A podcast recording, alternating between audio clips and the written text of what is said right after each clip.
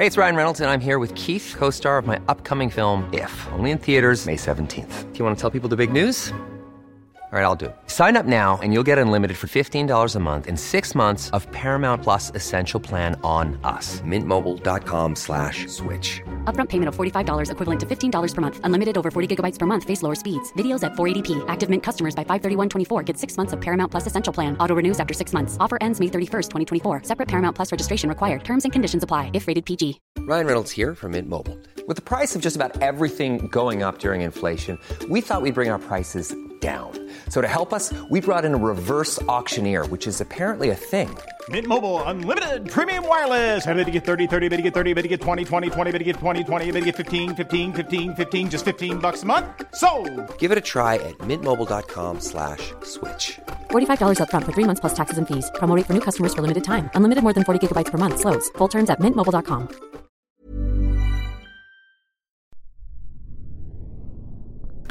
Vandaag een iets andere uitzending van de Media Meiden. Een breaking uitzending We bespreken het lang verwachte rapport van de Commissie van Rijn. over grensoverschrijdend gedrag in de televisiewereld. Maar we waren ook een hele dag op het En Mediapark. wie kwamen we daar tegen in Hotspot? Davids. Je hoort het zo bij de Media Meiden. Haverkappel, kaas, croissant.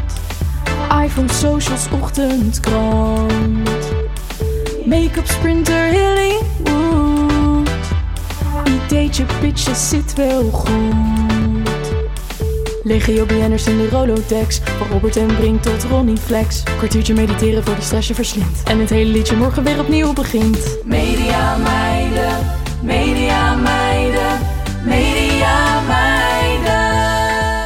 Ja, Tamer, daar zijn we dan. Aflevering 82 van de Media Meiden. Klopt, meis? Een andere aflevering dan normaal. Ja, Deze keer geen analyses van het aanrecht van Dries Roelvink. helaas. Ook geen beschouwingen over de vakanties van Tim de Wit. Nee, zou ik wel leuk vinden om weer een keer naar te gaan kijken. Welke bestemmingen gaat hij mee werken dit Hij jaar? was laatst naar ehm, Lapland. Lapland. Hebben we het nog niet over gehad. Ook gezien, nee. Waar gaan we het nu ook niet over hebben? Nee, we gaan het vandaag hebben over het rapport van de Commissie van Rijn. Dat donderdag is verschenen. Klopt. Het lang verwachte rapport van de Commissie van Rijn kun je wel zeggen. Het is er heel lang over gegaan. Ja, Eh, het onderzoek eh, over de tv-wereld dat eerst alleen zou gaan over de werkcultuur achter de schermen bij de Wereld Draait Door, maar uiteindelijk verbreed is naar de gehele publieke omroep. Het is verschenen. Eh, we gaan het in deze aflevering hebben over hoe wij naar dat rapport kijken, wat ons het meest opviel. Het is natuurlijk een heel dik rapport, dat moeten we even als disclaimer bij zeggen. Ontzettend veel staat erin, er zitten ook ontzettend veel kanten aan. We kunnen niet alles bespreken wat wij belangrijk vinden in dat rapport of wat het bespreken waard is, want dat wordt gewoon te veel. ja. Dus we gaan er een paar dingen uitgepikt.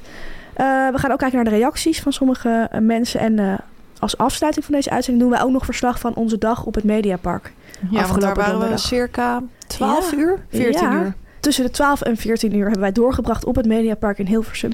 En gaan van uur tot uur verslag doen. Maar eerst naar het rapport, Fanny. Absoluut. We hebben natuurlijk de presentatie bijgewoond in Beeld en Geluid. Het Museum Beeld en Geluid in Hilversum. Klopt. Eh, donderdagochtend was dat. Het begon om half elf. Eh, toen we daar binnenkwamen was het echt heel erg druk met journalisten. Ja, Er waren al allemaal ploegen aan het draaien. Er Ja. waren ook al een aantal eh, journalisten die een verzoek hadden... of ze een quoteje van ons mochten ja, als redacteuren. als redacteuren. Wij zeiden, we hebben het rapport nog niet eens gelezen. Ja, precies. Maar goed, ik snap ook dat ze vooruit willen denken. We gingen die zaal in en toen we binnenkwamen zagen we direct de titel van het rapport op het grote scherm staan, Fanny. Ja, de titel was Niets gezien, niets gehoord en niets gedaan. En de ondertitel De zoekgemaakte verantwoordelijkheid. En toen zei jij gelijk tegen mij van kijk. En ik dacht ja, typisch weer. Toen ik dat las, wist ik eigenlijk al direct welke kant dat rapport op zou gaan. Ja. Het was natuurlijk een conclusie die eigenlijk ook al was te trekken uit het eerste Volkskrant-artikel. Uit 2022, ja. Eh, Waar eigenlijk alle leidinggevenden, waarna die allemaal een beetje wegdoken en elkaar de verantwoordelijkheid en schuld eh, in de schoenen schoven. Ja, dus in die zin de zoekgemaakte verantwoordelijkheid. En natuurlijk ook het, het stukje niets gezien, niets gehoord en niets gedaan. Eh, te lang is er natuurlijk gewoon niets gedaan. Precies. En zogenaamd niets gezien en niets gehoord. Ja, Dus dat was een soort prelude voor wat er daarna ging gebeuren. Toen eh, werd het rapport echt gepresenteerd. Martin van Rijn die begon met een introductie van dat rapport. En wat ik best wel goed vond, is dat hij met dit stukje begon. Dat eh, las hij voor, maar dat stond ook letterlijk in de introductie van het eh, geschreven rapport. Dus ik ga daar een stukje uit voorlezen. Werken bij de publieke omroep betekent werken bij een organisatie die bijdraagt aan de verbinding in onze samenleving. Er stond nog één zinnetje tussen ook over de pluriformiteit en zo van de programmering bij de publieke omroep. Maar het ging me vooral hierom. Juist daarom willen zoveel mensen met passie, talent en professionaliteit bij de publieke omroep werken.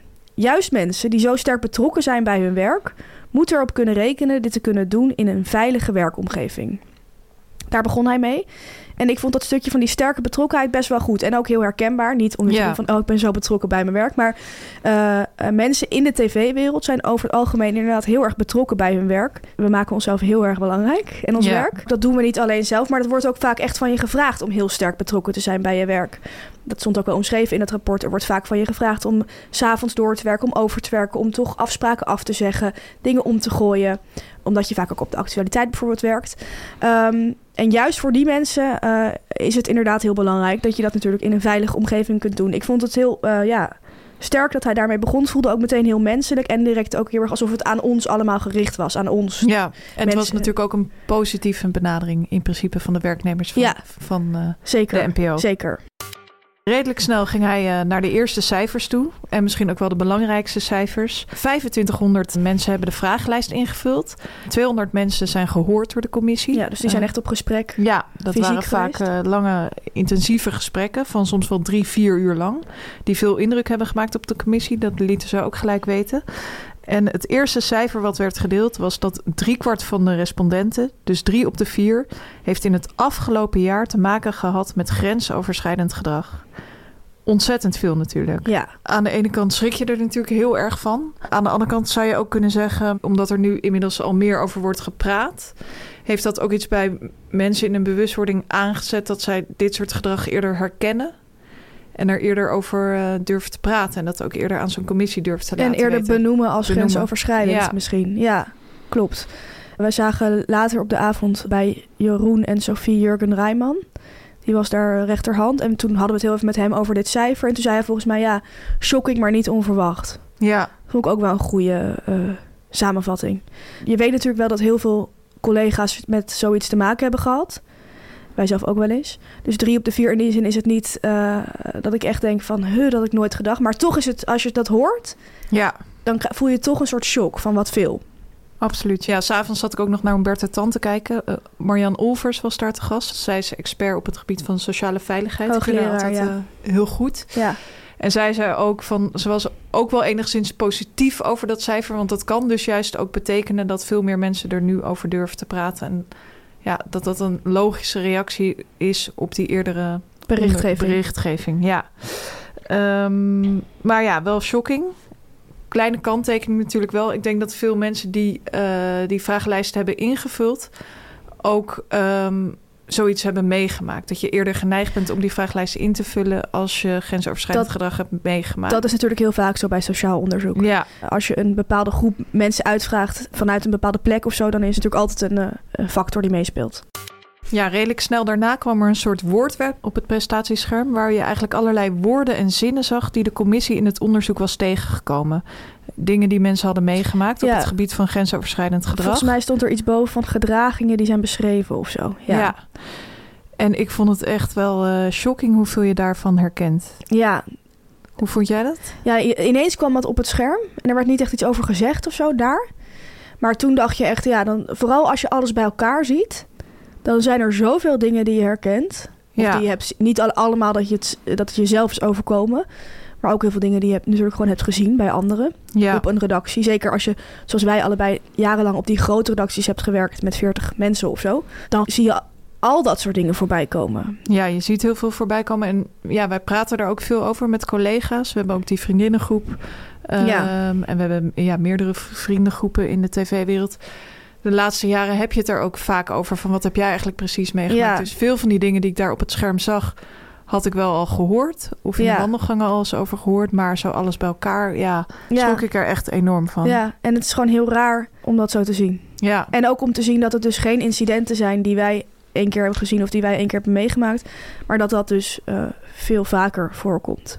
ja. We weten natuurlijk niet hoe vaak, maar wij kennen niet al die mensen die het onderzoek hebben ingevuld. Dus er zijn ook heel veel mensen die wij niet kennen die dat ook mee hebben gemaakt. ja, absoluut. Eh, ja. ja. ik dacht misschien kan je, er, kan je het gewoon voorlezen wat er Ja. stond. Goed idee. Schreeuwcultuur. In gezichten geschreeuwd. Enorme stemverheffingen. Ruzies. Mensen vernederen tot ze huilend weglopen. keiharde tirades. De huid volgescholden. Uitgevoeterd. Mensen de grond intrappen. Vuur spuwend. Woedend. Uit een plaat gaan. Schreeuwen alsof de oorlog was uitgebroken. Niet meer voor reden vatbaar. Reputatie als ontvlambaar. Publieke woedeuitbarstingen, vernederingen en agressies. Iemand ervan langsgeven. Gooien met papier. Gooien met stoelen. Op tafel smijten van telefoons. Met de hand op tafel slaan. Fysiek dichtbij komen. Breed maken. Briesend en boos op iemand aflopen. Boze e-mails. Boze telefoontjes. Woedeuitbarstingen via headsets. Genegeerd worden. Gekleineerd worden. Uit vergaderingen gestuurd worden. Denigrerend toegesproken worden. Sarcastische opmerkingen. Tirades van agressie. Uiten van bedreigingen. Met deuren slaan. Trappen tegen prullenbakken. Trappen tegen stoelen. Stampen. Iemand voortdurend aanstaren. Te dichtbij komen. Over iemand heen leunen. Bij mensen thuis langs gaan. Naast iemand gaan zitten en wijzen op iedere kleine fout. Werk van de medewerkers voor hun neus in de prullenbak gooien. Bij de keel grijpen van collega's. In hun gezicht spugen. Collega's aan hun arm vastpakken. Tegenwerken van reïntegratie. Kleineren en ondermijnen. Roddelen. Uitsluiten. Je zult nooit goed zijn in jouw functie. Als het aan mij had gelegen, had je geen vast contract gekregen. Ik geloof er niets van dat jij dat kan. Je doet alles verkeerd. Zit jij wel op de goede plek? Lastercampagnes? Weggezet worden als onbetrouwbaar? Uitsluiten? Niet meer inroosteren? Gecanceld? Vrouwelijke collega's aanduiden als poesje, meisjes, dozen? Staren naar borsten en billen van collega's? Collega's op de mond of in de nek zoenen? In billen, borsten, geslachtsdelen van collega's knijpen? Nafluiten van collega's. Seksuele blikken op het lichaam van collega's. Negeren. Collega's van top tot teen bekijken en dan. Dat ziet er goed uit. Ongevraagd tonen of doorsturen van naaktfoto's aan collega's. Seksuele grappen, opmerkingen en verhalen. Collega's blijvend, aanhoudend uitnodigen om naar hotel, thuis, een natuurgebied, fotostudio te komen om ze te versieren. Collega's vragen om thuis langs te mogen komen. Vragen om afspraak voor een drankje. Je broek zit heel leuk strak. Wil je mijn wortel zien? Heb je wel eens geneukt? Waarom heb je dat rokje van vorige week niet aan? Wie zou je liever pijpen? Mij of puntje puntje? Ze functioneert niet, maar ik vind haar wel leuk om naar te kijken. Dus ze mag blijven. Je hebt dit alleen voor elkaar gekregen omdat je een aantrekkelijk wijf bent. Ja, Best wel heftig, hè? heel erg. Ja, als je het zo allemaal achter elkaar hoort. Ja, Ja, in Nieuwsuur laatst gisteren ook een, eh, een aantal van deze voor. Het kwam ook weer bij mij heel erg binnen. ja. Zijn er dingen bij eh, ja, die jij specifiek herkent? Eh, ja, heel veel dingen. Al zijn het zeg maar de simpele dingen zoals boze te- telefoontjes, boze e-mails. Eh, maar ook wel het inderdaad negeren, aanstaren, kleineren. Ik, nogmaals, niet allemaal dat ik dit zelf heb meegemaakt, maar wel dat je het ziet Ja. gebeuren. Er stond ook best wel veel in, vond ik, over eh, seksisme. Hoe vrouwen ook op redacties vaak seksistisch worden bejegend of op hun uiterlijk worden beoordeeld. Zo las je ook iets voor van een collega van top tot teen bekijken en dan zeggen dat ziet er goed uit. Ja, Daar ga ik dan bij even vanuit dat dat tegen een vrouw is gezegd. Dat weet ik natuurlijk niet 100% zeker, maar dat verwacht ik. kan ook tegen een man zeggen. Ja, dat is waar. Maar eh, dat heb ik bijvoorbeeld ook één keer meegemaakt, maar dan eigenlijk een soort van andersom. Toen eh, werd ik ook van top tot teen bekeken. En toen zei diegene tegen mij, dat was mijn leidinggevende, die zei van eh, het ging over de kwestie was of, of ik mee moest gaan omdat er een gast moest worden overgehaald. En of ik daarbij moest zijn om dat te Ja. gaan doen. Toen bekeek diegene mij van top tot teen. En toen zei diegene van, eh, nou, beter van niet. Ja, zo erg. Dus eigenlijk van, dat ziet er niet goed genoeg uit. dus Ja. ja. ja, inmiddels kan ik daar wel om lachen. Vind ik eigenlijk ook een beetje stom om dat te zeggen. Want misschien ja, moet je daar wel om lachen. Maar goed, inmiddels kan maar ik er toen wel om vond lachen. jij heel vervelend ja, toen mij. vond ik dat heel vervelend natuurlijk. Ik was toen ook eh, 24 of zo.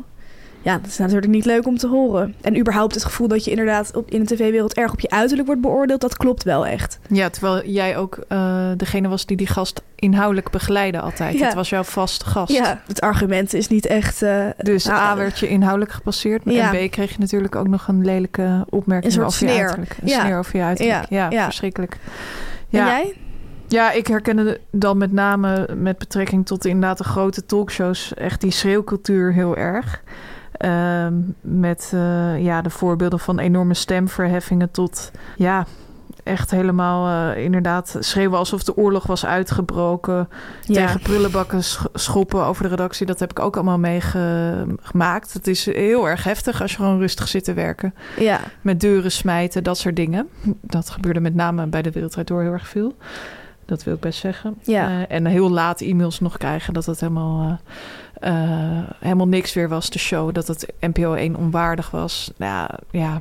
Ja, boze e-mails. Dat is verschrikkelijk.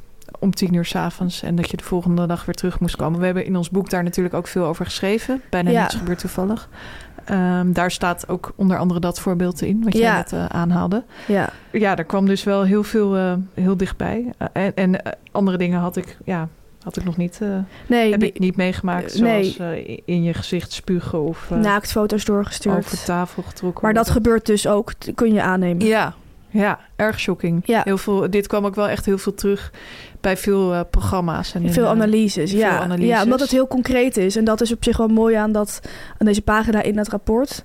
Ja, dat maakt het heel eh, invoelbaar natuurlijk wat Ja. er is gebeurd. Er staan ook heel veel cijfers in, maar dit is gewoon heel concreet. Dus ja, het was wel goed dat ze dat zo hadden verwerkt tot iets heel ja, veelzeggends. bij de presentatie zelf ha- had het voor mij wel een iets grotere rol mogen Ja, want het stond gewoon op het scherm en ze zeiden er niets over. Nee, Waardoor het ook een beetje voelde als van, nou hier heb je een hele bak ellende. Succes ermee. ja, precies. Na de introductie en een soort van de korte schets van de, de schaal waarop dit grensoverschrijdende gedrag had plaatsgevonden, wat ook direct benoemd werd, dus dat het heel lang heeft voortgeduurd en dat het eh, voor mensen de effecten ook heel lang voort hebben geduurd of soms nog zelfs voortduren. Ja, Maar daarna ging eh, eh, Martin van Rijn eigenlijk direct naar een aantal van de aanbevelingen. Dus er wij zijn 15 aanbevelingen gegeven in het rapport wat er moet gaan veranderen in de, in de tv-wereld. En hij gaf direct aan de grootste risicofactor voor dit grensoverschrijdende gedrag en het voortduren daarvan is de kwaliteit van het leiderschap en hoe mensen aangestuurd worden. Dus dat was voor hem de belangrijkste, voor die commissie de belangrijkste aanbeveling: beter leiderschap. Mhm. Ehm, hij zei ook heel goed, vond ik. Een gezonde organisatie kenmerkt zich niet door de afwezigheid van conflicten. want Die komen ook in gezonde organisaties voor. Het gaat erom dat je die conflicten op een gezonde manier afhandelt. En dat hangt natuurlijk allemaal samen met leiderschap. ja. Ehm, een veilige werkomgeving staat of valt met goed leiderschap, zei hij in die presentatie. En de grootste aanbeveling was ontwikkel leiderschapscompetenties. Nou, iets wat wij ook zeker wel eh, herkennen vanuit de tv-wereld. Ja, toch? als het over leiderschap gaat, moet ik altijd denken aan Janine Albring. Die toen die eh, beroemde e-mail heeft geschreven en eh, later in een interview heeft gezegd... bij de Wereldrijd Door heb ik geleerd hoe ik niet wil leiding geven. Ja, Hoe leiding ja. geven niet moet, ja. Het is natuurlijk ook gek in de tv-wereld. Veel mensen gaan daar ineens leiding geven. Je kan best wel snel hoger opkomen. Ja, ook vanuit een makerspositie vaak. Ja, vanuit een makerspositie. Je bent bijvoorbeeld redacteur. En als je dat dan een tijd goed doet, bijvoorbeeld bij zo'n grote talkshow, wordt er gezegd van. Wil jij niet een keer proberen samen te stellen? En dat is eigenlijk een soort eindredactiefunctie waarbij je ook moet aansturen. Ja, en dat wordt ook vaak natuurlijk aan mensen gegeven die goed in het team liggen. Ja, dat wordt Ja. vaak gegeven vanuit een soort vriendjespolitiek. Ja, Omdat eh, de ook- presentator of de eindredacteur je goed vindt Ja. en je goed met hun bent. het woord vriendjespolitiek kwam ook veelvuldig Ja. terug in het rapport. Ja. Precies. Daar wordt niet een vacature voor uitgeschreven. Nee, nee. En laat staan dat er een traject of een cursus wordt gegeven. Nou ja, vaak onder hoge druk eh, begin je dan aan zo'n eh, functie. En soms ook op korte termijn, omdat er bijvoorbeeld eh, Een gat is. een gat is. Iemand heeft een burn-out. Ehm, en wat er natuurlijk ook veel gebeurt, ja, daar hebben we het al vaker over gehad, omdat er van die korte contracten zijn, wordt er helemaal niet echt goed geïnvesteerd in medewerkers überhaupt. Nee. Dus als ik wel eens met andere vrienden van mij praat over leidinggevende functies, dat zij bijvoorbeeld naar leidinggevende functie gaan, worden zij eigenlijk altijd direct op een cursus gestuurd. Echt begeleid. Ik moet wel zeggen dat dit volgens mij nu wel aan het veranderen Ja, is. dat is een van die Eh, dingen die echt aan het veranderen Ja. is, denk ik. Ja. eh, maar dat is heel lang niet zo geweest, inderdaad. Nee. Waar het ook veel over ging, was informeel leiderschap. Ja, Dat is bijvoorbeeld eh, de presentator. Die is dan formeel gezien niet de leider, maar informeel natuurlijk wel. ja, wel een goede term, informeel leidinggevende. Ja, dat, dat had ik eigenlijk nooit zo'n benoeming voor. Maar Nee, eh, goed om met die termen En kennis gemaakt te voor hebben. hun is leiderschap natuurlijk ook... eh, zij moeten ook goed leiding geven. Ja, en worden daar ook natuurlijk niet in begeleid. Nee, totaal niet. Mooi bruggetje direct naar een andere aanbeveling die ons opviel. Namelijk begeleid presentatoren en bescherm hen tegen zichzelf. Eh, de commissie schrijft in die aanbeveling dat zowel beginnende presentatoren als sterpresentatoren begeleid moeten worden. Ook als zij dat niet wensen. Ja. Ik moest persoonlijk heel erg lachen om die indekking. Ook als zij dat niet wensen. Ja. Alsof ze al dachten van kut, gaan allemaal presentatoren zeggen dat ze dat niet willen. Nou, we zetten er gewoon bij. Ook als ze het niet wensen, moeten ze dat doen. ja. Ehm, dat vond ik heel grappig. Maar ehm, Er, ze, ze, om dat op te laten, laten nemen in contracten. En uh, schreven ook de positie en zichtbaarheid van presentatoren maakt dat hun woorden anders worden gewogen en hun daden anders bezien. Ja. dat is natuurlijk iets van waar wij het heel vaak over hebben in de podcast. En ook veel over hebben geschreven. Ja, veel presentatoren lijken dat toch ook niet door te hebben. Nee. Ik zat toevallig alvast een klein stukje te kijken van de nieuwe aflevering van Koen Verbraak over de televisiewereld. Die gaan we volgende week uh, bespreken ook. Hij staat op NPO Start, maar staat maandag op, NPO TV. Start, ja. Daar werd ook door Koen de vraag gesteld aan Mart Smeets van uh, veel redacteuren kijken tegen presentatoren op. En toen onderbrak Mart Smeets hem eigenlijk direct door te zeggen van... Nee, nee, nee, absoluut niet. Ongelooflijk. ja, je bent je gewoon totaal niet bewust van je status als presentator op zo'n redactie. Nee, dat je echt inderdaad een informele leider bent. Ja, absoluut. Misschien nog wel meer dan de eindredacteur in, Absoluut, in veel gevallen. Ja. Want Eigenlijk als de, wel. Als de presentator iets niet wil, dan gebeurt het nee, niet. Nee, nou, ik heb dit recent nog meegemaakt. Inderdaad, dat, we, dat ik bij een programma waar ik aan werkte... dat ik een probleem constateerde. En dat aangaf. En een collega van mij constateerde dat probleem ook. Het was overigens niet eens een heel groot probleem, maar gewoon iets wat, ja, waarvan wij zeiden: zullen we dit anders doen? En daarvan werd aangegeven dat kan niet. En totdat de presentator dat vroeg. Toen kon het ineens wel. Ja, dat zie je natuurlijk. Zo gaat dat gewoon. Ja. En ik snap dat ergens ook wel. Ja, maar het ondermijnt wel jouw positie als ja. redacteur of eindredacteur. Ja, en het wordt ook heel vaak gedachteloos gedaan. Dus wat de presentator ook vraagt, daar wordt gewoon gehoor aan gegeven. Ja, heel vaak. Is koning. En dat is natuurlijk iets waar wij op, uh, soms ook op schertsende wijze wel over praten. Ja, we hebben het natuurlijk heel vaak over gehad hoe er wordt gehandeld als de presentator ziek is. Bijvoorbeeld, om maar iets te noemen. Of een BN'er die uh, te gast moet zijn. Dan wordt echt alles uh, in huis gehad. En ja. niet natuurlijk alleen een paracetamol, maar zo overdreven. alle hoestdrank, alle keelpastilles, wat je maar kan bedenken. De hot- en kooldrugs, ja. ibuprofen wordt echt voor ja. 30 euro aan pijnstillers gekocht. Ja. En dat is natuurlijk een klein voorbeeldje van uh, ja, hoezeer prestatoren dan in de watten worden. Ja, een soort koningsstatus toegeëigend ja. krijgen. Jij hebt ook zo'n verhaal meegemaakt dat een BNR vroeg of die kon opgehaald worden met een helikopter bijvoorbeeld. Ja. Ja, klopt. Ja, ja, ja. ja. of uh, prestatoren voor wie altijd een hele chique verse lunch wordt gehad. Een pokeball of zo. Terwijl de rest gewoon uh, broodjes eet. Broodjes eet. Ja. Uh, ja, op zich snap ik het ook wel weer, want zij zijn op tv. Dus ja. het, dat is altijd het lastige met dit soort dingen. Van, voor een deel snap je het. Zoiets stond ook in die aanbeveling. Dat een presentator zich helemaal op de presentatie moet kunnen richten is begrijpelijk, maar geef daarbij duidelijke kaders, ook in de omgang met mede ter bescherming van de presentator zelf. Um, er stond ook in dat stukje: zo bescherm je een presentator bijvoorbeeld ook tegen een mogelijke cancelcultuur. Ja. Dat is natuurlijk wel zo. Presentatoren worden inderdaad weinig uh, begeleid daarin. Als je ineens heel beroemd wordt, dat is heel heftig ook voor je. Ja, dat iedereen alles voor je doet. Ja, en dat, ieder, dat iedereen je herkent. En dat je, dat je inderdaad wordt afgemaakt in de recensie als het niet goed is. Het is ook niet zo gek dat je je anders gaat nee, gedragen. jouw hoofd ligt inderdaad op, op het hakblok. Maar ja, soms gaat het wel heel ver. Ik, ik herinner me een verhaal dat jij ooit van een oude eindredacteur uh, altijd met een kopje koffie ja. klaar moest staan bij de lift, voor als de presentator eruit ja. kwam. Wat was dat ook? Ja, dat was gewoon het idee dat, dat die presentator dan nooit hoefde te wachten op dat kopje koffie. Dat het er altijd al was. Ja. Uh, die presentator belde dan aan en dan ging die lift naar boven. En precies in die tijd konden we die koffie maken. En dan hielden we dat gewoon klaar. En ja, wij zeggen ook heel vaak: zo creëer je natuurlijk uiteindelijk allemaal met elkaar een monster. Ja. En daar moet je natuurlijk voor waken. Dus dat vond ik wel goed dat dat een van de aanbevelingen van de commissie ook was.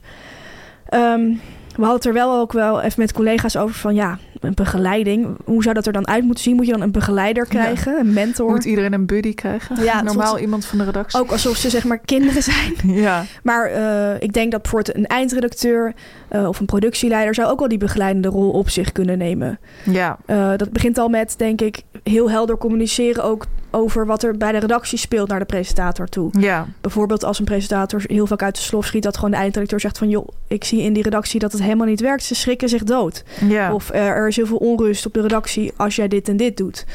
Of je, tegen die val je wel heel vaak uit. Let erop, ja. Ja, dat soort dingen al. En ook dat je gewoon eerlijk een show zou kunnen evalueren. Dat is ook iets vaak wat niet Ja. kan nu in Hilversum. Klopt. Ehm, dat, ehm, dat er veel ge- gelogen wordt ook eigenlijk tegen de presentator. Ja. Dat, dat wij tegen elkaar zeggen na afloop van... nou, was niet zo'n leuke show. Maar als de presentator aankomt, zeg je toch vaak van... Goed ja, gedaan. Was, leuk, goed gedaan. Ja, Ik betrap mezelf daar ook heel vaak op. En ik probeer dat wel minder te doen. Maar aan de andere kant eh, is me dat ook wel eens duur komen te staan. nou ja, ik weet nog dat wij een keer een collega hadden. Bij een eh, talkshow was dat, een dagelijkse talkshow. En die collega die had nog nooit bij zo'n soort programma gewerkt. Hij had een iets andere achtergrond. En er was een gesprek geweest dat niet heel goed was gegaan, inderdaad. En hij zei dat gewoon na afloop. Waar de presentator bij was. En ik weet nog dat hij daarna echt apart werd genomen door de eindredacteur. Van dit moet je nooit meer doen. Dit kan je nooit zeggen. Ja, En ja, ik vond dat eerlijk gezegd ook normaal. om dat niet te zeggen. Ja, ja. Nu de denk ik daar kant- anders over na. Maar je denkt heel lang van zo gaat het hier blijkbaar. Ja, Dit doen we blijkbaar met elkaar. ja, precies. Maar goed, het is natuurlijk niet normaal, nee. Nee, Want zo creëer je dus een monster. Dus ik vond het goed dat daar aandacht voor was in dat, eh, absoluut. in dat rapport. Ja, Zonder presentatoren of BN'ers eh over één kam te scheren. Want natuurlijk zeker niet iedere presentator doet dit. nee, Helemaal nee, nee. niet. Nee, Alleen het is natuurlijk onomstotelijk dat beroemd zijn iets met je doet. En dat, eh, ja, het vervormt. ja. Een andere aanbeveling was investeer in medewerkers. Eh, een beetje vaag gesteld, maar het was misschien wel een van de allerbelangrijkste aanbevelingen, vond ik. We hebben het natuurlijk hier, ik zei net ook al, heel veel gehad al over korte contracten in deze podcast. Ehm, ik weet niet of ik dat hier heb gezegd, maar in de Volkskrant wel onlangs. Ik heb volgens mij 38 eh, contracten. Ja. Ik ben ook 38, dus dat komt mooi uit. En dat zijn dan vaak contracten geweest van drie maanden, vier maanden, ja. eh, misschien een keer een half jaar. ik heb ook contracten ook als- gehad van twee weken. Ja, ik ook twee Ja. weken. Ja, dat je zo'n verlenging kreeg. Ja, precies. Of gewoon dat ik heel even ergens op werd gezet. En dan ja, je moet dan toch een contract krijgen. Je kan niet ergens zwart gaan werken. Ja, dus precies. dan was het maar voor twee weken. Ja, Ja. voor gay pride of zo. Ik ben inmiddels ZZP'er, dus heb, is het sowieso iets anders. Maar toen ik nog eh, in dienst was, inderdaad, kreeg ik heel vaak van dit soort korte contracten. Ja, het lastige met die korte contracten is ja, dat dat toch een van de grote redenen is waarom dit grensoverschrijdende gedrag zoveel kan plaatsvinden, denken wij. Ja, absoluut. Ehm, ja, je moet jezelf bewijzen. Je probeert je, je best te doen. eh, niet te veel te zeuren. Eh, als redacteur ben je dan eigenlijk vogelvrij. Want ga je echt klagen bij degene die je de volgende keer weer moet verlengen? nee, natuurlijk niet. Nee. En voel je je eigenlijk ook echt zelf onderdeel van een organisatie? Want dat heb ik ook heel vaak. Ja. Dan kom ik ergens en dan vind ik dat gedrag, ja, bijvoorbeeld best wel dat dingen daar apart gaan. Maar dan denk ik ook van ja, ik ben over twee maanden weer weg. Nou, Ja. ik doe het nu zo. Ja, precies. Het zal mijn tijd wel duren. Het zal mijn tijd wel duren. Dat werkt dat gedrag natuurlijk ook in de hand. Ja, dat je dan zeker. minder makkelijk iets zegt van nou ja, het zal, het zal hier wel zo gaan. Zeker. Ja, en als je eh, Thomas Bruning van de NVJ, de, de voorzitter van de Vereniging van Journalisten, zei dat ook eh, gisteren volgens mij in Nieuwsuur. Van als je je. Het eerste wat er moet gebeuren is dat mensen betere contracten krijgen. Want als makers niet zeker zijn van hun werk, dan ga je nooit iets aankaarten. Dan ga je nooit die cultuur kunnen verbeteren. Hij noemde dit echt als het eerste speerpunt. Ja, Het eerste ding dat hij vond ook dat het te vaag gesteld was, dat het concreter gesteld had moeten worden.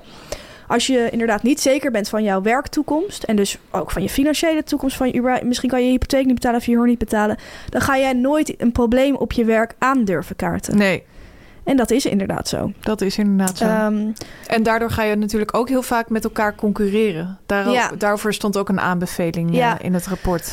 dat is natuurlijk eh, ook onderdeel van die, met die korte contracten. Je voelt heel erg van ik moet nu de beste zijn, want dan word ik weer gevraagd voor het volgende contract. Dan krijg ik weer een nieuw contract Ja. aangeboden. Niet voor iedereen is er plek. Nee. Ehm, en ze nemen vaak alleen maar de beste mensen mee. Ja, en er werd ook in het, eh, inderdaad in het rapport veel eh, geschreven over die concurrentie, die heel complex is bij de publieke omroep. Want het is concurrentie tussen de publieke omroepen onderling. Ja, Het is concurrentie tussen de commerciële en de publieke omroep. Concurrentie tussen programma's. ja. Concurrentie tussen de NPO en de omroepen. En inderdaad tussen redacteuren Tussen individueel. medewerkers, ja. En die kwestie van die korte contracten is ook complex. Want een onderdeel eh, van het probleem is dat de NPO eigenlijk heel weinig vooruit programmeert. Dus omroepen weten vaak ook niet hoe lang een programma nog loopt. Nee, En kunnen daardoor mensen ook moeilijker eh, Een langer contract contract aanbieden. Dus dat, dat begint ook allemaal bij de NPO eigenlijk. Daar ging Frederik Leeflang gisteren ook op in eh, bij Nieuwsuur. Ja. Dat zij daar aan het, aan het werken zijn. Dat ze verder vooruit gaan kijken. Om mensen zo meer zekerheid te kunnen bieden. Ja, dat zou heel goed zijn. Ja, Ja, één klein dingetje nog, ook opvallend in het rapport. Eh, de afwikkelingen van meldingen krijgen gemiddeld het cijfer 4. ja. Vond ik erg laag. Als je dus al een melding maakt, wat dus al vaak niet gebeurt, Ja. door die contracten onder andere, maar als je het doet, wordt daar heel slecht mee omgegaan. En weet je bij de Wereldrijd Door wat het cijfer was? Ja, Een ik heb het gezien. 1,6. Ja, echt bizar. Er Ja. wordt gewoon niks mee gedaan. Dat slaat eigenlijk ook weer terug op die titel. En niets gezien, niets gehoord en niets gedaan. In het rapport stonden er ook losse hoofdstukken over de Wereldrijd Door en de NOS. Natuurlijk beide casussen die afgelopen jaar veel in het nieuws zijn geweest. Klopt. Bij de NOS is er meer meldingen gedaan van pesten, intimidatie, seksisme en discriminatie dan in de rest van de publieke omroep. Ja, En bij de Wereldrijd Door, ja, dat was dan meer een hoofdstuk waar ik eigenlijk heel veel uit herkende.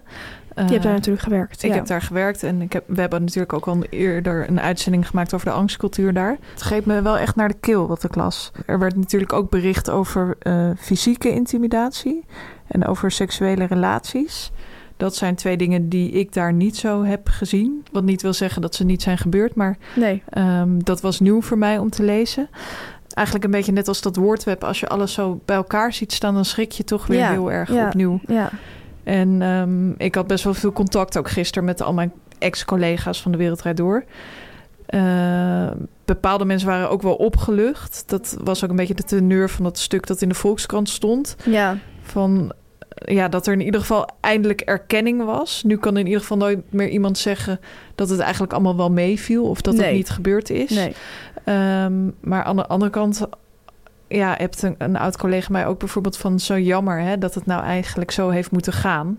Het had zoveel leuker kunnen zijn. En dat Ja. voelde ik ook wel heel erg. Ja, Dat las je ook weer in dat rapport. Dat de situatie bij de Wereldrijd Door zo was dat eigenlijk alle respondenten ook zeiden dat ze daar de meest geweldige tijd van hun leven hadden gehad. En dat dat ook ehm, ja, eigenlijk een gevaarlijke situatie juist is voor dat grensoverschrijdend gedrag. Erg, en dat ja. het ook een situatie is waardoor mensen misschien het later pas zijn gaan melden. ja. Omdat ze ook lang eh, ja, een beetje zichzelf voor de gek hielden. Ja, precies. Maakt het nog diffuser. Zeker. In totaal waren er 15 aanbevelingen. Eh, redelijk algemene aanbevelingen, Ja. vond ik. Ik vond dus wel dat het redelijk divers was samengesteld. Er zaten heel veel aspecten in waarvan ik dacht, ja, heel goed. Ja, Het woord aanbeveling alleen al is al vrij, vrij blijvend, voelt dat voor mij. Eh, ik hoorde dan ook gisteren iedereen zeggen van je kunt dit niet naast je neerleggen. En, en dat is natuurlijk ook zo. Dat kan ook echt niet.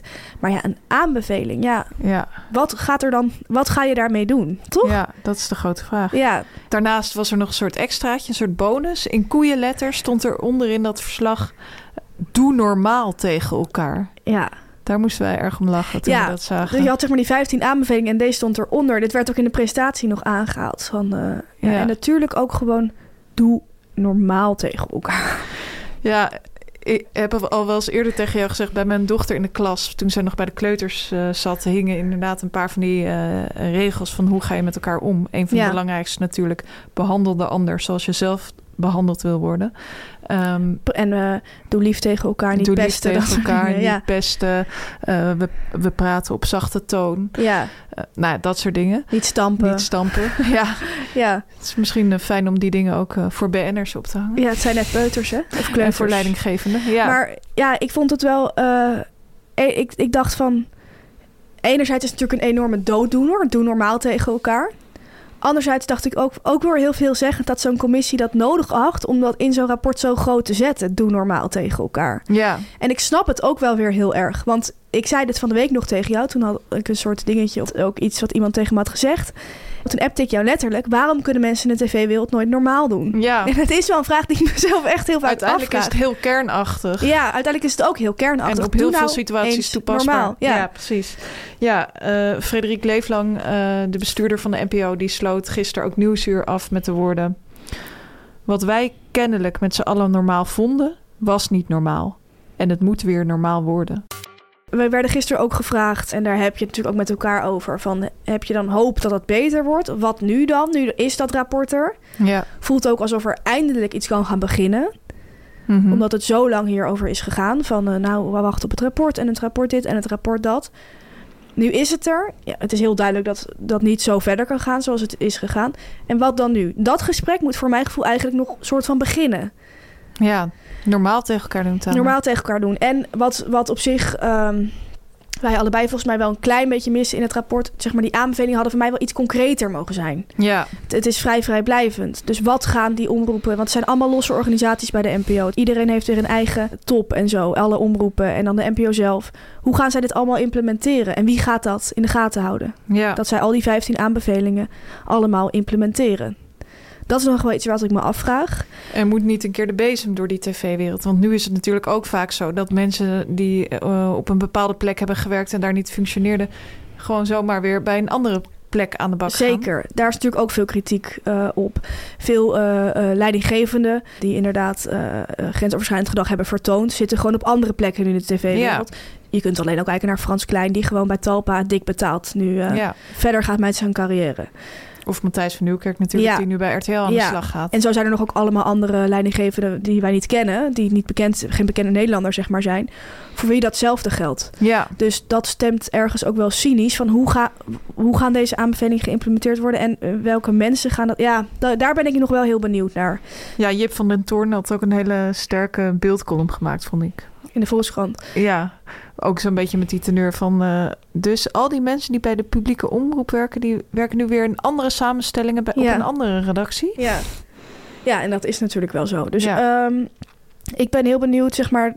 Dat rapport is er nu. Het zal er nog de komende weken wel veel over gaan, denk ik. Er zullen misschien nog wat staartjes aankomen. Maar, maar wat gaat er daarna gebeuren? Gaan we het dan echt anders doen? En dat hoop ik toch wel. Ja, ik hoop het wel. Want dat kan nu gewoon. En we hoeven nergens meer op te wachten. Dus ik zou zeggen, laten we daar gewoon mee beginnen. En eh, dat, dat gaat echt van hoog tot laag. Zeg maar van leidinggevende tot ook tot, men, ook tot onszelf. Want dat is trouwens iets misschien ook nog goed om te benoemen. Ook als we zo'n woordweb, als je dat voorleest bijvoorbeeld...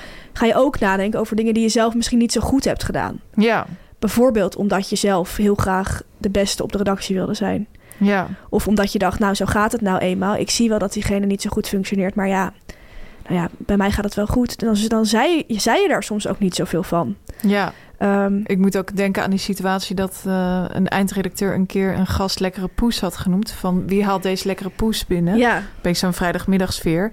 En dat wij daar allebei best lacherig op hadden gereageerd. klopt. En dat een andere collega daarvan iets heeft gezegd van ik vind het eigenlijk niet leuk dat vrouwen zo worden aangeduid. Dat kan toch niet, niet leuk. Dus ze was echt boos. Ja, Nou ja, da- daar reflecteren we bijvoorbeeld in ons boek op. ja op die dat wij, situatie. inderdaad, dat wij daar in het begin, dat wij dat echt, ja, sorry, belachelijk vonden. Dat zij dat eh, gingen aankaarten. Ja, En nu denk ik daarvan van, ja, daar had ik gewoon heel anders op moeten reageren toen. ja, Dus zo ga je ook naar jezelf kijken door zo'n rapport. En dat is volgens mij heel goed. ja, zoals Van Rijn ook zegt, van binnen een organisatie kunnen wel dingen fout gaan. Maar het Ja. gaat erom hoe je vervolgens met die fout omgaat. Ja, nou ja, goed. Laten we hopen dat eh, mensen inderdaad naar zichzelf gaan kijken. En dat we er iets mee gaan doen met alles Ja. wat er nu is. eh, Het zal een flinke uitgezocht. botsing worden tussen de oude tv-wereld En de, nieuwe, tv-wereld. Ja. De dino's tegen de puppies, meis.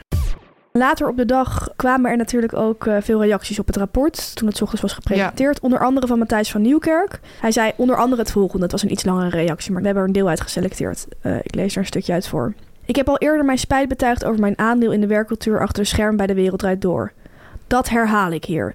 Ik realiseer me meer dan ooit dat ik als presentator een belangrijke voorbeeldfunctie heb. Ik kijk er naar uit om onderdeel te zijn van programma's waar we gezamenlijk met veel plezier aan werken. Ja, dat vond ik op zich een redelijk eh, een minimale reactie. Eh, Mhm. het deed me een klein beetje denken aan. eh, ik heb mijn, al eerder mijn spijt betuigd, en dat herhaal ik hier. Hoe je dan in een ruzie wel eens kan zeggen: Ik heb toch al sorry gezegd. Ja, En ik miste een klein beetje het stukje van. eh, hij zegt: Ik kijk er naar uit om eh, onderdeel te zijn van programma's waar we gezamenlijk met veel plezier aan werken. Ik mis een beetje het stukje. Ik ga laten zien dat het anders kan. Ik ga laten zien dat ik het anders ga doen. ja. Wat ik heb geleerd. Maar goed, eh, dat gaan we inderdaad meemaken. En zo bleef het de hele dag een beetje rommelen. Er kwam nog om kwart voor zeven 's avonds een groot interview met Suzanne Kunstler in de Volkskrant.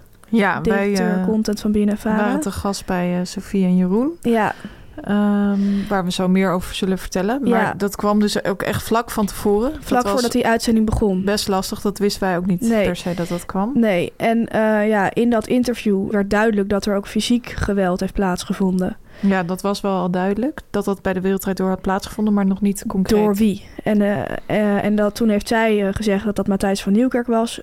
en ook dat hij relaties heeft gehad op de werkvloer met mensen binnen het bedrijf. Zij heeft dat in de Volkskrant gezegd. Matthijs ontkent dit. ja, voor de hij kwam weer met een duidelijkheid. reactie. Ja, hij ontkent dat. Dus dat, dat zal ongetwijfeld nog wel een, een staartje krijgen. En op zich benieuwd wat dit voor zijn toekomst bij RTL gaat betekenen. Ja, dit nieuws. Dat is ook nog niet duidelijk. nee. Angela de Jong schreef wel een vrij pittige column van... nou, ik kijk er niet naar uit om te gaan kijken... met de gedachte dat, eh, Dit is gebeurd. met dat dit is gebeurd. En Tina Nijkamp zei ook van... ja, zou RTL toch het niet uit gaan stellen? Dat ze toch niet zeggen van... moet hij niet wat later eh, terug op tv? Bijvoorbeeld in het najaar. Nee. Ja, wij waren eerder al wat kritischer over dat hij natuurlijk eh, bij RTL kon tekenen voordat dat rapport uitkwam. En ik denk dat RTL nu niet blij is.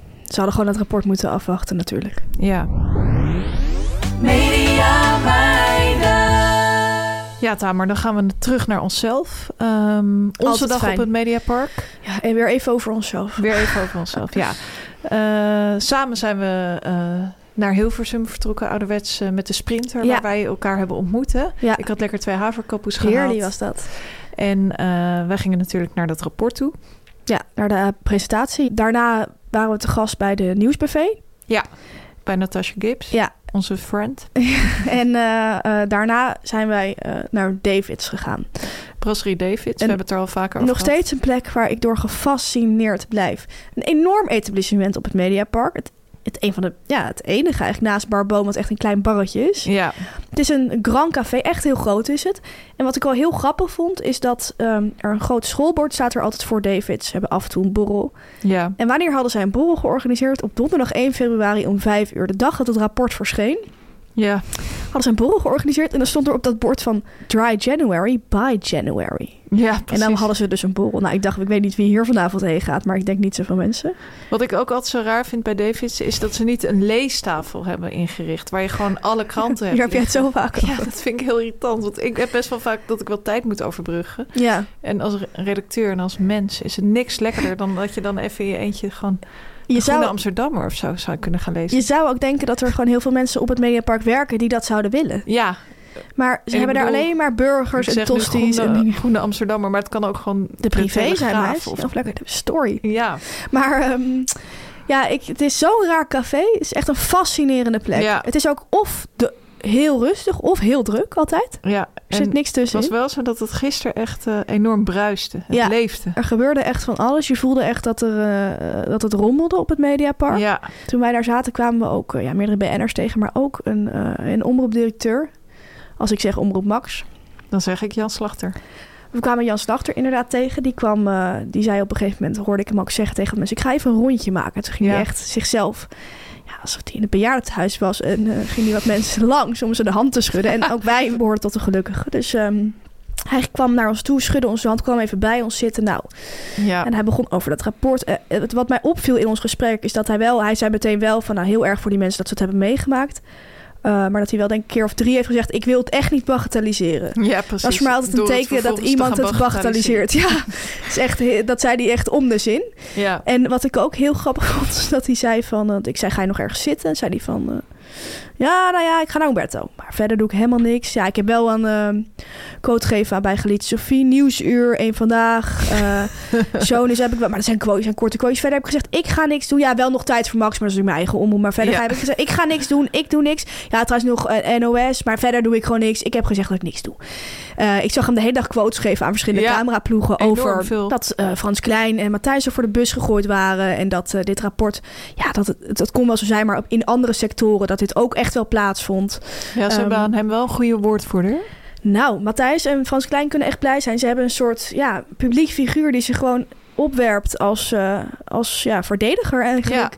Hij komt ook als een van de weinige omroepdirecteuren naar zo'n presentatie toe. Want het betreft eigenlijk, eh, dat onderzoek betreft eh, niet in het bijzondere omroep Max. Nee, Hij had daar helemaal niet hoeven zijn. nee. Eh bijvoorbeeld Suzanne Kunstler was er wel, maar die is van BNNVARA, dus logisch dat zij er was. Maar de directie van de VPRO, zo was er niet. Hij was er wel.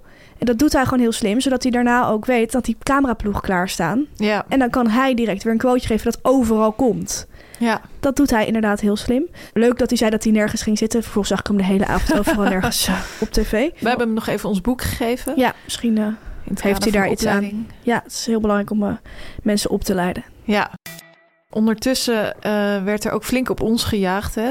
Ja. Nieuwsuur wou een quote. eh, nou die ja, en die wou een quote. Je lijkt Jan Slachter wel. ja, precies. Anders dan Jan Slachter gingen we niet overal in. Nee. Ik vond het wel een gewaarwording om een keer aan de andere kant van de lijn te zitten. Ja. Normaal halen wij mensen over natuurlijk. Ja, nu merk je ook van hoe, hoe heftig die mediameiden ook kunnen zijn. Ja, en hoe ze je gaan overhalen. Hoe ze je gaan overhalen en ook hoe vaak ze bijvoorbeeld bellen. Ik Ja. had op een gegeven moment, En appen. was ik heel even dus in die vergadering, had ik drie gemiste oproepen van Nieuwsuur. Oh ja. Ja. En een appje. ja, doe even rustig. Ja, Ja. Maar dat zullen mensen ook over ons hebben gedacht. ja Of denken. zeker. Ja. Zijn we uiteindelijk overgehaald? Wij zijn uiteindelijk overgehaald. Ook omdat we dachten, het is toch ook belangrijk dat redacteuren hun stem laten horen. Ja, Dus we zijn bij Sofie en Jeroen gaan zitten. Ja. Jeroen eh, had presenteerde. Ja, precies. We waren al de hele dag op dat mediapark. We- Toen dachten we, nou oké, laten we het maar doen. Het enige probleem was dat we totaal niet blij waren met onze outfits. Die we aan. Ja, we hadden gewoon wat aangedaan 's ochtends. Ja, Dus toen zijn we echt naar Hilversum Centrum gegaan om iets te kopen. ja. Waar we ons beter in. Echt een setje te kopen. Ja, als vrouw word je natuurlijk, hebben we ook in het rapport gezien, beoordeeld op je uiterlijk. ja precies. Dus het was voor ons wel belangrijk dat we er goed uitzagen. We was zijn, sowieso echt heerlijk om weer eventjes samen te shoppen. ja, doen we eigenlijk nooit. Nee, Nee, ik vind het dus leuk om in Hilversum... Ja, dat is ook echt zo'n klein centrum. ja, Heel overzichtelijk. ja, een paar winkels. Ja, gingen we echt even lekker die boutiquejes in. Ja. Eh, en toen gingen we terug naar het Mediapark. En eh, toen waren we daar dus 's avonds te gast met Suzanne Kunster, Mariette Hamer, die de commissie advies heeft gegeven. Vakvrouwen. En eh, Marijn de Vries, die bij NOS Sport eh, als wieleranalist heeft gewerkt. En daar ook eh, grensoverschrijdend gedrag heeft ervaren. En daar een column over heeft geschreven. Ja. Dus met z'n vijven zaten we aan tafel. Jurgen Ruijman natuurlijk Was nog. rechterhand van Jeroen, inderdaad. Ironisch genoeg kwamen wij iets minder aan het woord dan de andere sprekers. Hè? BN'ers zijn natuurlijk ook belangrijker, dus ik snap dat ook wel. Maar gelukkig hebben we ons eigen platform nog waar we, waar we van alles in kunnen zeggen. Ja. Ehm, hoe vond je het om weer te gast te zijn bij een talkshow? ja, het blijft een beetje eh, raar. Omdat Ja. wij natuurlijk als, als redacteuren zo vaak aan die tafel hebben gezeten. Maar dan tijdens repetities, waarin we de gast spelen. Ja, Ik merk wel van, ja, als ik maar doe alsof het een repetitie is, dan, dan gaat het wel eh, redelijk. ja Alleen dat moment dat je zo voor het eerst iets moet gaan zeggen, dat blijft toch dat een is heel raar. lastig. Hè? Ja, dan moet je echt ergens overheen. En wat ik nu heel erg had, op een gegeven moment zei Jeroen van... We, want ja, we hadden natuurlijk dat gesprek neem je dan van tevoren door. En ik dacht dat we echt nog heel veel zouden gaan bespreken. Want we hadden nog heel veel punten Ja, waarover we hadden doorgenomen... dat we er iets over zouden gaan zeggen of dat we een anekdote zouden aanhalen. ja, ons boek lag nog op tafel. We ja, zouden we zijn nog gaan voorlezen. En toen zei Jeroen op een gegeven moment, we hebben nog één minuut. En ik dacht echt nog één minuut. Maar ik wil dit nog zeggen over Frans Klein en dit over Jan Slachter. En Ja. dit wil ik nog voorlezen. En nee, maar ik wil veel feller zijn. Maar dat zeggen wij natuurlijk ook vaak tegen talkshowgasten. Ja. Je moet zelf je moment pakken. En je moet zelf een paar dingen in je hoofd hebben. One-liners die je gewoon wil zeggen. Alleen, ik vind het dus lastig als je nog niet de beurt hebt gehad... om je dan al Ja. aan tafel te mengen. En- Ik had het daar nog eventjes met Peter K. over na afloop. Redacteur, bekende Een redacteur. bekende redacteur, politiek redacteur. En die zei ook van ja, dat, dat blijft gewoon een gek moment. En ook die eerste keren dat je ergens bij een nieuw programma zit...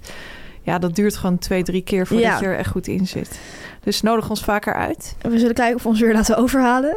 Ik Ja, denk het voorlopig even niet. Ik voel me toch comfortabeler als ik gewoon... eh, lekker mediameid, hè? ja, ik hoef het allemaal niet zozeer. Maar goed, het is toch gebeurd. Weer genoeg op tv geweest voor de komende paar jaar. Maar Tamer, nog niet genoeg gecast voor de komende paar jaar. Want we blijven onze podcast maken. woensdag zijn we er gewoon weer. Ja, dit was het, eh, aflevering 82 van de media. Een beetje een ander soortige aflevering dan normaal. Hè?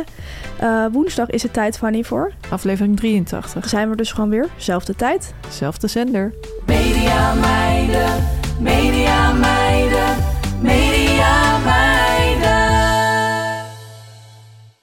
Dit was een podcast van Meer van Dit. Wil je adverteren in deze podcast? Stuur dan een mailtje naar info@meervandit.nl. Meer van dit.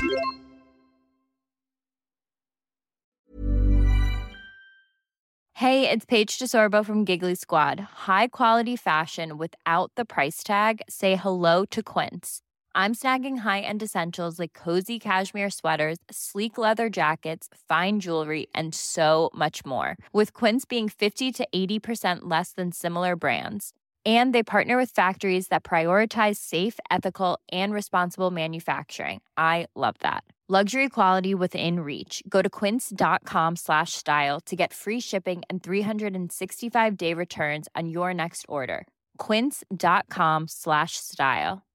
Imagine the softest sheets you've ever felt. Now imagine them getting even softer over time. That's what you'll feel with Bowl and Branch's organic cotton sheets. In a recent customer survey, 96% replied that Bowl and Branch sheets get softer with every wash. Start getting your best night's sleep in these sheets that get softer and softer for years to come. Try their sheets with a 30-night guarantee. Plus, get 15% off your first order at bowlandbranch.com. Code BUTTERY. Exclusions apply. See site for details.